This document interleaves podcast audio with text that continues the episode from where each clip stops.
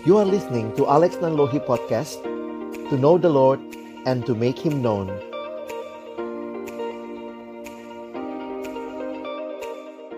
Baik, selamat sore Bapak Ibu dan juga anak-anak, adik-adik yang saya kasihi dalam Tuhan Yesus Kristus.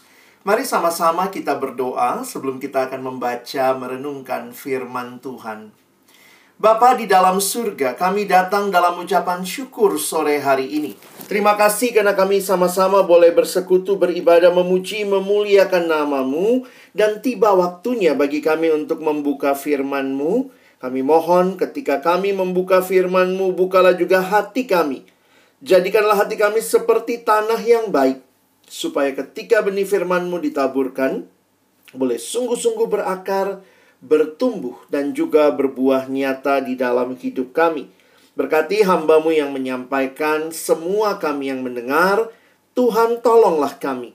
Agar kami bukan hanya jadi pendengar-pendengar firman yang setia, tapi mampukan dengan kuasa, dengan pertolongan dari rohmu yang kudus, kami dimampukan menjadi pelaku-pelaku firman-Mu di dalam kehidupan kami. Bersabdalah ya Tuhan, kami anak-anakmu sedia mendengarnya dalam satu nama yang kudus, nama yang berkuasa, nama Tuhan kami Yesus Kristus. Kami menyerahkan pemberitaan firman-Mu. Amin. Ya, sama-sama kita bersyukur kepada Tuhan buat sore hari ini. Di dalam anugerahnya kita bersama-sama boleh merayakan uh, menyambut Natal begitu ya yang kita akan rayakan pada tanggal 25 Desember yang akan datang. Dan tema yang diberikan kepada kita sesuai dengan tema Natal dari PGI dan juga KWI cinta kasih Kristus yang menggerakkan persaudaraan. Kita akan segera masuk dalam masa merayakan Natal pada tanggal 25 nanti dan ini adalah Natal kedua tentunya ya di tengah-tengah suasana pandemi. Dan ini membuat kita juga jadi melihat sebenarnya Natal tetap bisa dirayakan di dalam kesederhanaan. Tidak melulu tentang sesuatu yang mewah. Bahkan Natal pertama pun terjadi dengan sangat sederhana. Nah, ayo, apa saja nih hal-hal yang biasanya kita ingat pada saat merayakan Natal? Apakah ini yang muncul di benak teman-teman? Santa Claus, kue Natal, hadiah-hadiah. Sebenarnya apa sih Natal itu? Natal artinya lahir. Nah, siapa yang lahir pada waktu Natal? Ini bukan Santa Claus, bukan Frosty the Snowman, tetapi yang lahir adalah Yesus Kristus. Christmas is Jesus' birthday. Jadi saya harap kita tidak lupa sampai sampai kita uh, banyak kali karena kemeriahan Natal yang begitu luar biasa, kita jadi lupa bahwa inti dari perayaan Natal adalah merayakan kelahiran Kristus. Karena itu ada pertanyaan begini dalam bahasa Inggris. What is the most important thing about Christmas? The most important thing about Christmas is the first six letters. Okay? C H R I S T. Christmas without Christ tinggal mas. Emangnya perayaan mas-mas, bukan ya? Kalau kita bicara bahwa Christmas adalah merayakan Kristus yang lahir dan seperti yang hari ini menjadi tema kita. Cinta kasih. Love. Nah, ini istilah yang menarik untuk kita sama-sama perhatikan bahwa ketika kita ingin belajar tentang cinta kasih yang menggerakkan, maka mari kita melihat kepada Allah yang memperkenalkan dirinya sebagai Allah yang adalah kasih. Sore hari ini, Kak Alex ingin kita belajar dari 1 Yohanes pasal 4, dua ayat, ayat 9 dan ayat yang ke-10. Bapak Ibu, saudara-saudara, adik-adikku sekalian bisa melihat di layar saya sudah tuliskan ayatnya. 1 Yohanes 4 ayat 9 dan 10 saya bacakan bagi kita. Dalam hal inilah kasih Allah dinyatakan di tengah-tengah kita yaitu bahwa Allah telah mengutus anaknya yang tunggal ke dalam dunia supaya kita hidup olehnya. Perhatikan ayat 10. Inilah kasih itu. Bukan kita yang telah mengasihi Allah, tetapi Allah yang telah mengasihi kita dan yang telah mengutus anaknya sebagai pendamaian bagi dosa-dosa kita. Alkitab dengan jelas mengingatkan kepada kita, lihat ayat 10-nya. Bukan kita yang telah mengasihi Allah. Sebenarnya di sinilah kita jadi menyadari bahwa Allah adalah kasih itu sendiri. Kalau kita bicara tentang Allah yang adalah kasih, maka sebenarnya ini yang harusnya terjadi. Bahwa kalau kita mau belajar tentang kasih, ingatlah kasih dimulai dari Allah. Perhatikan Yohanes 1 Yohanes 4 ayat 16 bahkan dikatakan kita telah mengenal dan telah percayakan kasih Allah kepada kita. Allah adalah kasih dan barang siapa tetap berada di dalam kasih, ia tetap berada di dalam Dia, di dalam Allah, dan Allah di dalam Dia. Jadi, teman-teman, kalau mau belajar tentang kasih, ya belajarnya bukan dari drama Korea, ya. Belajarnya dari mana? Belajarnya dari Allah sendiri. Allah yang adalah kasih adanya. Kalau sore hari ini kita bicara cinta kasih yang menggerakkan. Mau belajar? Belajarlah dari Allah. Bukan sekadar dari film-film, lagu-lagu, drama-drama. Wah, kalau anak-anak sekarang yang remajanya sukanya drama Korea. Yang mama-mamanya, mungkin bapak ibu gurunya senangnya itu ya, apa? Uh, sinetron ya, ikatan love namanya ya. Wah, cinta, tapi semua bicara cinta. Tapi cinta yang seperti apa? Kita mau belajar cinta yang menggerakkan persaudaraan yang tulus Let us learn from God. Bapak, Ibu, adik-adik yang saya kasihi dalam Tuhan Yesus Kristus, perhatikan bahwa ketika Alkitab berbicara bukti kasih Allah itu dikaitkan dengan Allah memberikan anaknya. Perhatikan penjelasan ke Alex sebentar. Mari perhatikan bahwa hampir setiap kali penulis Injil Yohanes yaitu Rasul Yohanes, dia juga menulis surat Yohanes hampir setiap kali. Rasul Yohanes bicara tentang kasih, menulis tentang kasih. Maka perhatikan, Rasul Yohanes tidak sedang berusaha menjelaskan, mendefinisikan kasih. Perhatikan ya. Rasul Yohanes tidak berusaha mendefinisikan kasih. Karena kalimatnya sebenarnya begini ya. Dan dalam hal inilah, dalam hal inilah kasih Allah dia kasih definisi? Bukan. Ayat 10 tuh. Inilah kasih itu. Apakah yang diberikan definisi kasih adalah sebuah perasaan cinta yang dalam? Tidak.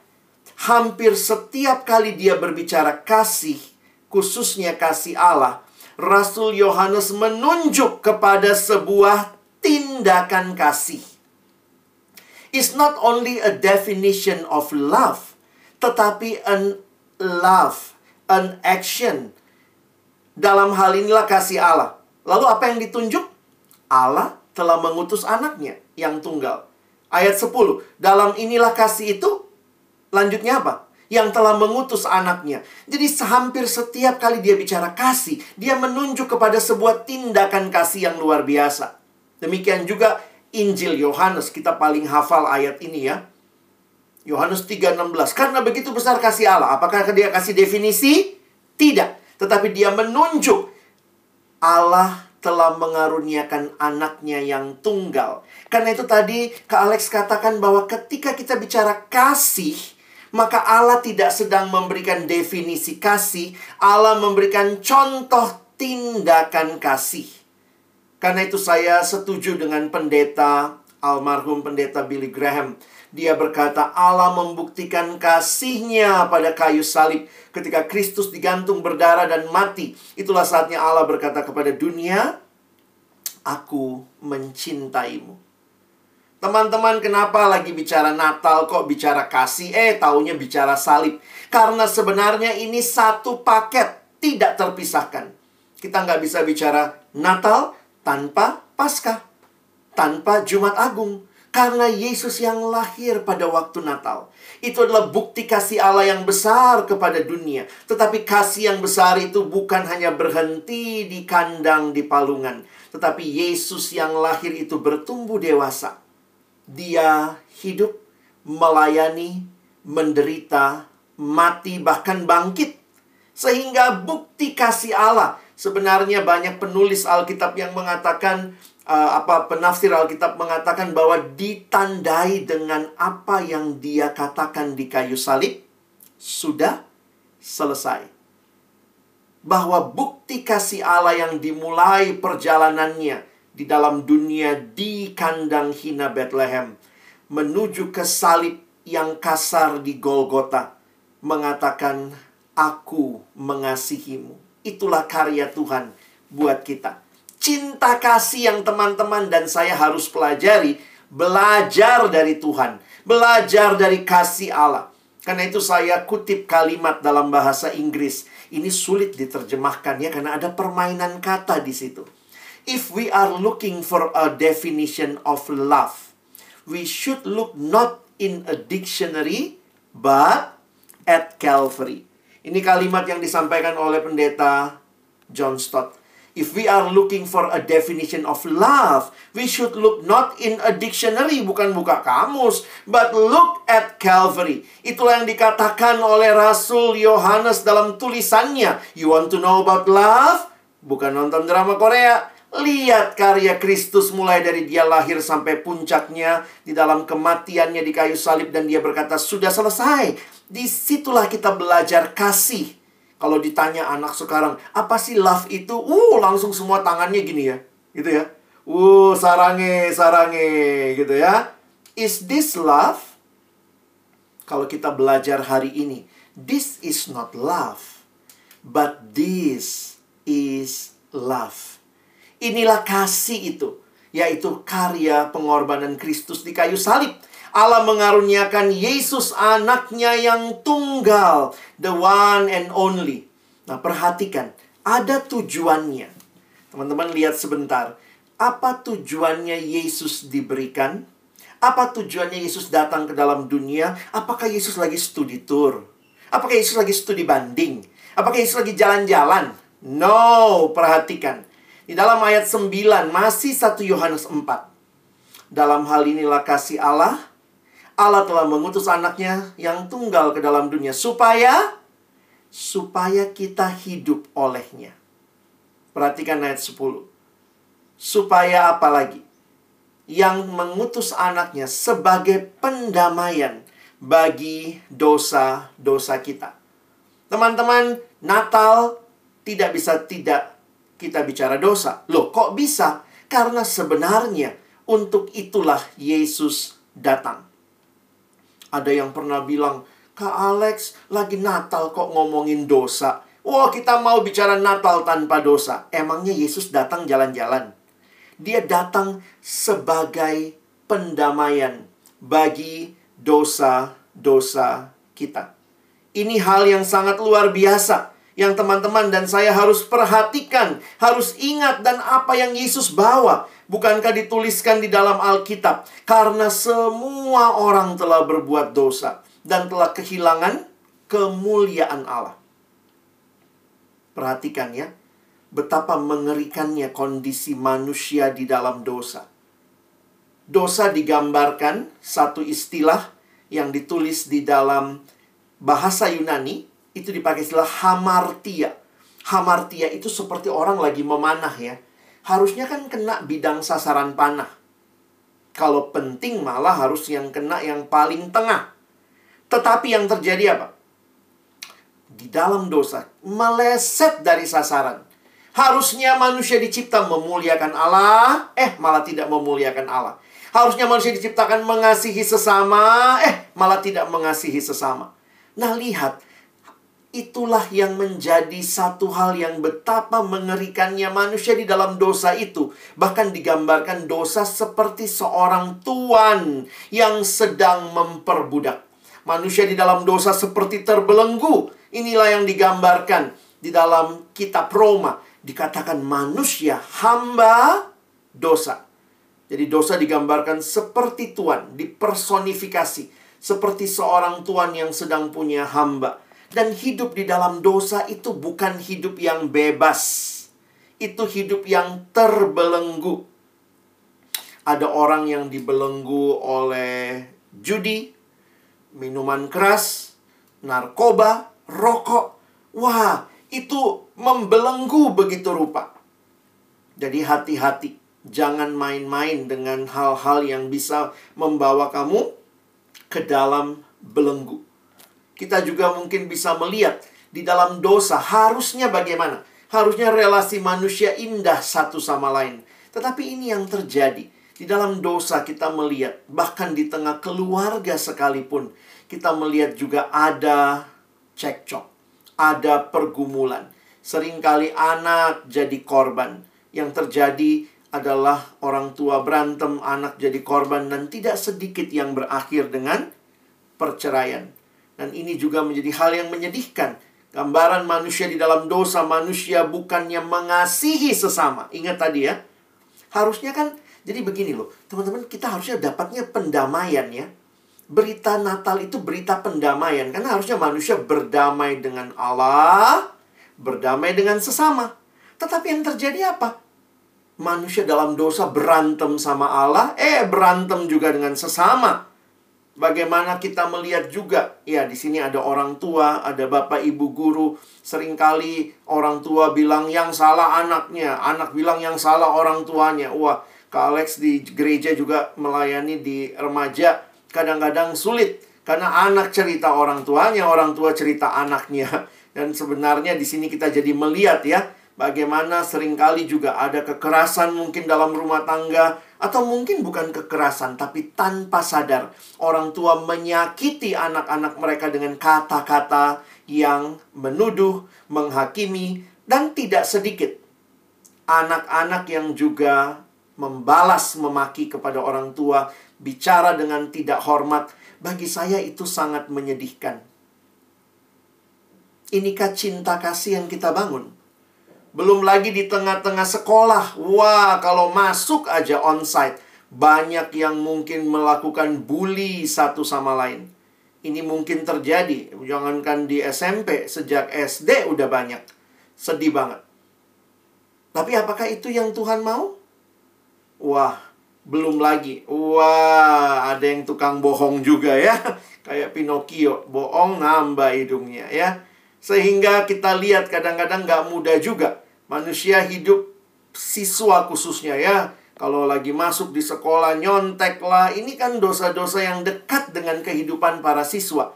Di mana kalau kita lihat, inikah kedamaian ketika nyolong gitu ya. Ini kan sebenarnya nyolong ya orang yang nyontek itu nyolong teman-teman. Tapi inilah realita yang terjadi. Manusia di dalam dosa dibelenggu. Ada hal-hal yang baik, tapi kalau tidak dipakai dengan baik, bisa jadi belenggu juga. Contohnya apa? Nah ini, HP itu baik kan? Tapi kalau kamu HP-an terus, wah ini jadi masalah. Ya, thank you ya Judikaria, nanti kita doakan juga pergumulannya.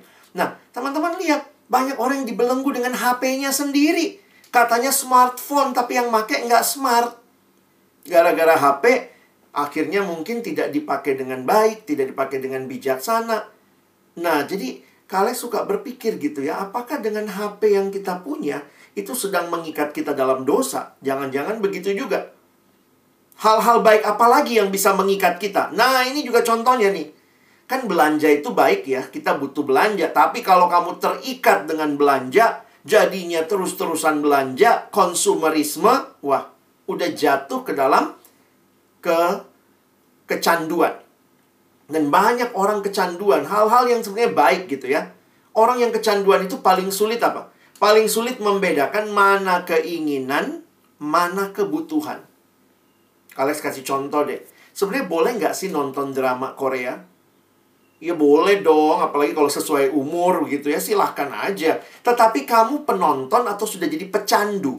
Bedanya apa kak? Oh bedanya sederhana. Kalau kamu harusnya lupa diri, apa kamu jadinya lupa diri? Kamu siswa. Tujuh tugasnya apa? Belajar. Maka harusnya utamanya belajar, nonton itu sambilannya. Nah, ketika kamu udah nggak bisa bedakan mana keinginan, mana kebutuhan, nonton drama Korea jadi utama, belajarnya jadi sambilan. Nah, kamu sebenarnya udah mulai kecanduan. Jadi saya suka bilang sama adik-adik yang saya layani, hati-hati. Hal yang baik kalau kamu tidak atur dirimu dengan baik. Sekarang kan dengan Netflix dengan segala macam gampang tuh binge watching ya, ngelewatin intronya, ngelewatin apa bisa dipercepat jadi bisa satu malam berapa seri yang ditonton, tapi besokannya ngantuk di kelas. Oh, bisa begitu. Jadi lihat, betapa mengerikannya hal-hal baik yang tidak dipakai dengan baik, tidak bisa lagi bedain mana keinginan kebutuhan, itu namanya sudah diperbudak oleh dosa. Ada juga yang nggak habis-habis nonton YouTube terus ya, nonton semua ya ini K-pop K-pop mungkin kamu suka gitu ya. Ah, baik mereka juga mungkin lagu-lagunya membangun, memberi semangat begitu ya. Tapi kalau itu kemudian membuat kamu jadi nggak belajar, kamu kehilangan motivasi lalu kemudian cuma mau jadi K-pop doang begitu ya. Nah, something wrong di situ. Jadi Kak Alex mesti ingatkan buat kita semua, ya hati-hati. Main game boleh nggak? Boleh, tapi kalau kamu kemudian kecanduan game, kamu bukan lagi pemain game, kamu pecandu game. Gimana bedainnya kak? Yang kayak tadi, kamu tuh siswa, tugas utamanya belajar.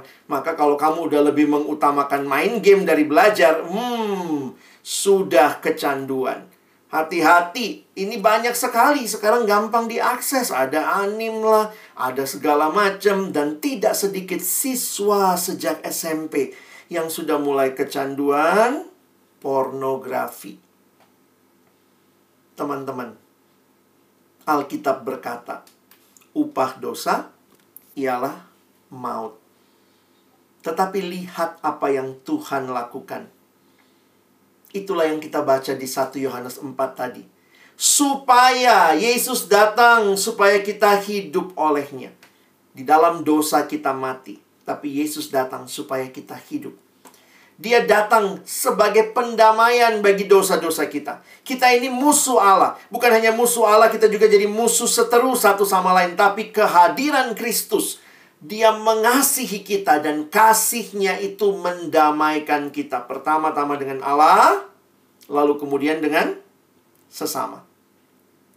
Sekali lagi, dengan pengorbanannya di kayu salib, Yesus ingin mengatakan kepadamu, Aku mengasihi engkau. Bapak, Ibu, adik-adik yang dikasihi dalam Tuhan Yesus Kristus, inilah kita yang begitu berdosa, tetapi ketika kita masih di dalam dosa, kata Roma 5 ayat 8, Rasul Paulus berkata, Kristus mati bagi kita waktu kita masih berdosa. Ingat baik-baik, Allah mengasihi kita Allah tetap setia mengasihi kita yang tidak layak ini. Yang berdosa, yang masih suka nyontek, yang masih sering bicara tidak sopan, yang suka melawan guru, orang tua, yang menganggap orang lain lebih rendah, yang kadang-kadang membuli teman. Tuhan mengasihi kita. Bahkan Allah mengasihi kita daripada yang kita bayangkan. Dan kasihnya itu membuat dia memberikan nyawanya bagi kita. Supaya apa? Supaya kita tidak terus-menerus hidup dalam dosa. Supaya kita boleh hidup dalam kebe kebebasan, bukan dalam keterikatan. Dan inilah kasihnya Tuhan ya. Makanya coba bandingkan sama kasih dunia ya Kak Alex mau coba simpulkan Coba lihat Kasihnya dunia Dunia juga bicara kasih Tapi kasihnya dunia itu hanya dikaitkan dengan perasaan Egois Kasihnya dunia itu lebih banyak mengambil dan itu sangat terbatas. Makanya saya ingat ada satu kalimat dalam bahasa Inggris yang bilang begini, uh, apa ada kalimat yang bilang gini ya. Sebenarnya bahasa Indonesia itu itu paling gampang menjelaskan kasih. Hah? Kok bisa? Iya, gampang banget bahasa Indonesia menjelaskan kasih. Apa artinya kasih? Kasih ya kasih. Kasih itu apa? Kasih ya kasih. Arahnya kasih itu bukan buat diri kita, tapi buat yang dikasihi. Tapi dunia mengenal kasih. Aku mengasihimu supaya aku dapat sesuatu itu bukan kasih. Itu ngambil. Love is giving. Love is not taking, taking, taking. If love is taking, taking, taking, that is not love. That is rampoking. Ngerampok namanya itu. Tetapi lihatlah di kayu salib itu. Lihatlah teladan kasih Allah yang kita boleh lihat dan renungkan. Apa yang terjadi? Di kayu salib itu Allah memberikan nyawanya bagi kita. Jadi kasih Allah tuh kasih yang bagaimana? Kasih yang aktif, kasih yang inisiatif, kasih yang nyata. Dia memberi yang terbaik jadi kalau kita mau saat ini digerakkan ya, karena tema kita ya, cinta kasih Allah menggerakkan kita untuk membangun persahabatan. Bangunlah persahabatan dengan kasih yang seperti ini. Bukan kasih yang merampok. True love is about giving everything, expecting nothing. Jadi kalau kita rayain Natal, ayo coba kita aplikasikan ya Bapak Ibu, adik-adik sekalian. Bagaimana seharusnya kita merayakan Natal? Natal itu tentang apa? Giving or taking? Di dalam Natal, Allah memberikan anaknya. Kalau kamu alami semangat Natal, maka semangatmu juga adalah semangat memberi. Karena kalau kita ingat-ingat ya, Kadang-kadang kita pengen hadiah, pengen kado. Sebenarnya Natal pertama itu Allah memberi kado kepada kita manusia. Kadonya apa? Kadang-kadang kalau tuker kado tuh paling males ya. Kenapa? Kita dapat barang yang kita nggak butuh ya.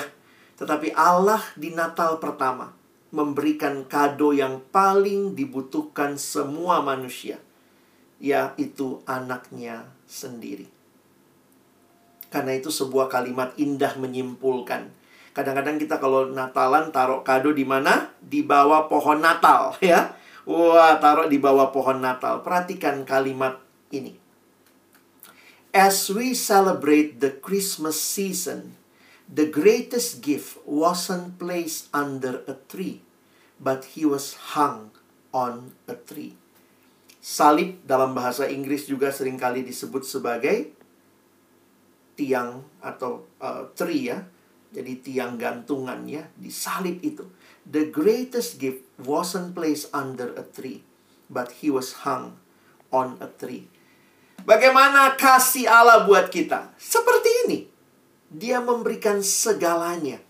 Nah, pertanyaannya, apakah kasih seperti itu menggerakkan kita? Mengasihi sesama.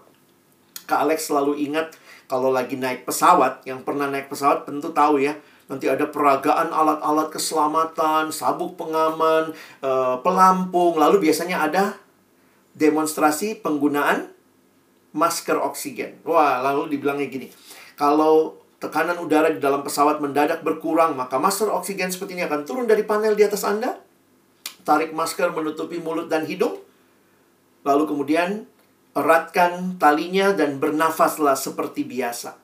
Nah, saya paling terkesan waktu kalimat berikutnya. Bagi Anda yang bepergian dengan anak-anak atau orang yang butuh pertolongan, pakailah masker Anda terlebih dahulu, lalu menolong yang lain. Wah, di sini Kalex jadi sangat sadar ya. Ketika kita telah mengalami keindahan kasih Tuhan, bagaimana kita mengaplikasikannya bagi sesama. Nah, itulah tema kita. Kamu kenal dulu kasih Tuhan seperti apa. Kamu alami dulu kasih yang aktif, inisiatif, yang memberi yang terbaik. Itulah yang Allah lakukan bagi kita. Maka seharusnya kita juga.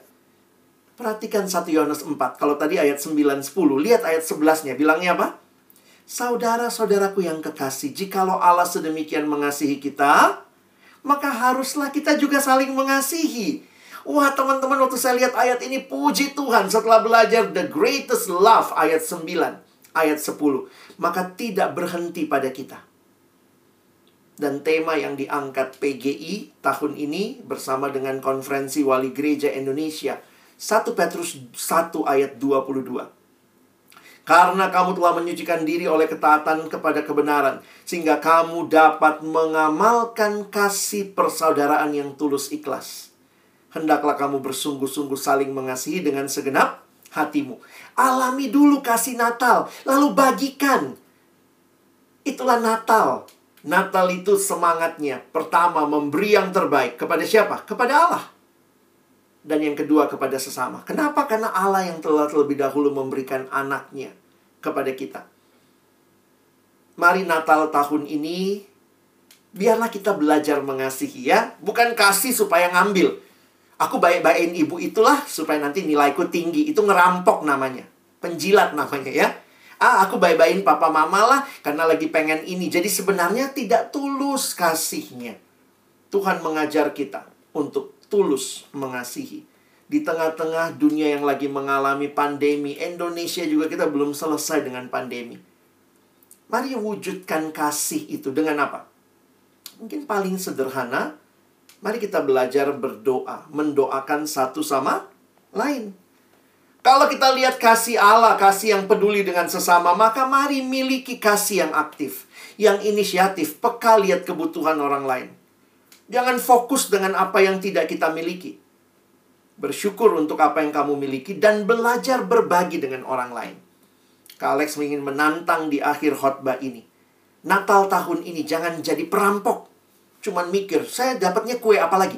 Mana nastar? Mana putri salju? Mana mana kue apa lagi gitu ya? Kastengels gitu ya itu kalau kita cuman sekadar apa lagi yang saya belum dapat apa lagi apa lagi apa lagi jangan-jangan semangat Natal kita ngambil ngambil ngerampok ngerampok kalau Natalnya onsite biasa kita tanya eh, apa souvenirnya? Apa souvenirnya? Ih masa masa tumbler lagi? Minggu tahun lalu tumbler juga. Banyak orang datang gereja mau ngerampok.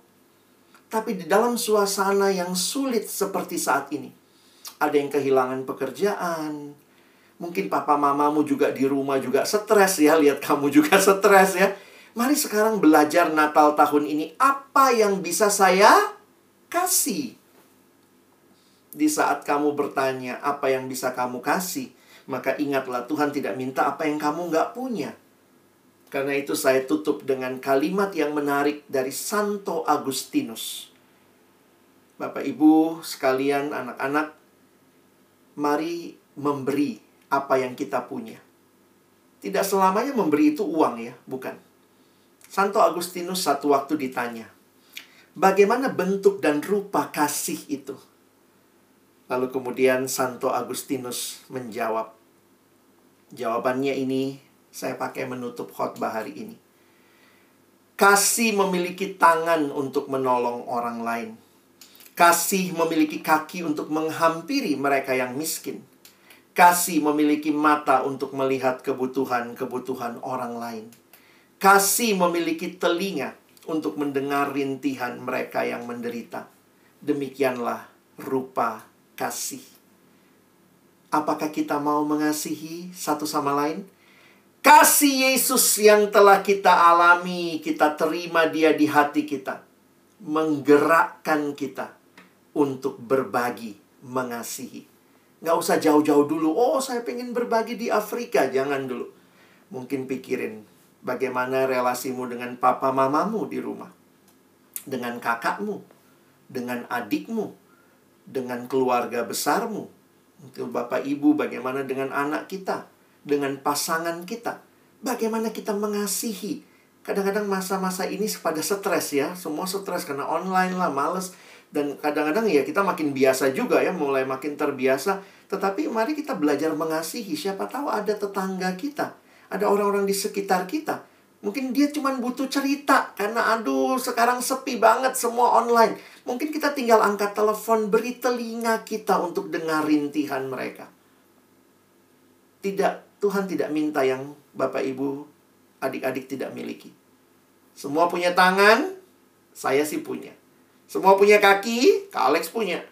Semua punya mata, semua punya telinga, pakailah itu menjadi alat kasih Tuhan untuk menjangkau dan berbagi bagi sesama.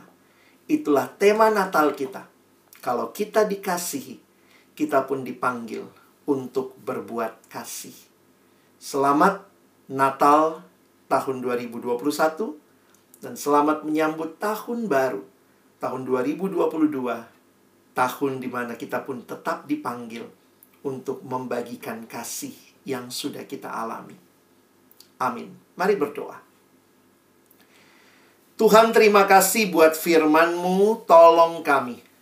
Dalam masa muda kami, khususnya adik-adik, murid-murid kami, Kami pun tidak jadi orang yang egois, menikmati kasih, tetapi kami juga yang sudah menikmati kasih dipanggil untuk menggerakkan kasih persaudaraan yang tulus. Bukan ada udang di balik batu, bukan ingin sesuatu, tetapi kami belajar memberi sesuatu. Itulah semangat Natal yang kami pelajari hari ini. Kami berdoa, Tuhan tolong agar kiranya di tengah-tengah suasana bangsa kami yang juga sulit, banyak orang yang terpuruk, bahkan ada bencana alam di banyak tempat, banjir, angin kencang, gunung meletus, semua ini memanggil kami sebagai pribadi dan bangsa untuk bersama-sama melihat apa yang bisa kami bagikan. Natal tahun ini biarlah bukan apa yang kami dapat, tetapi apa yang kami berikan. Itulah yang kami boleh sama-sama perjuangkan. Terima kasih, tolong kami sekali lagi bukan cuma jadi pendengar-pendengar firman yang setia, mampukan kami jadi pelaku-pelaku firman-Mu. Dalam nama Yesus kami berdoa, kami bersyukur. Amin.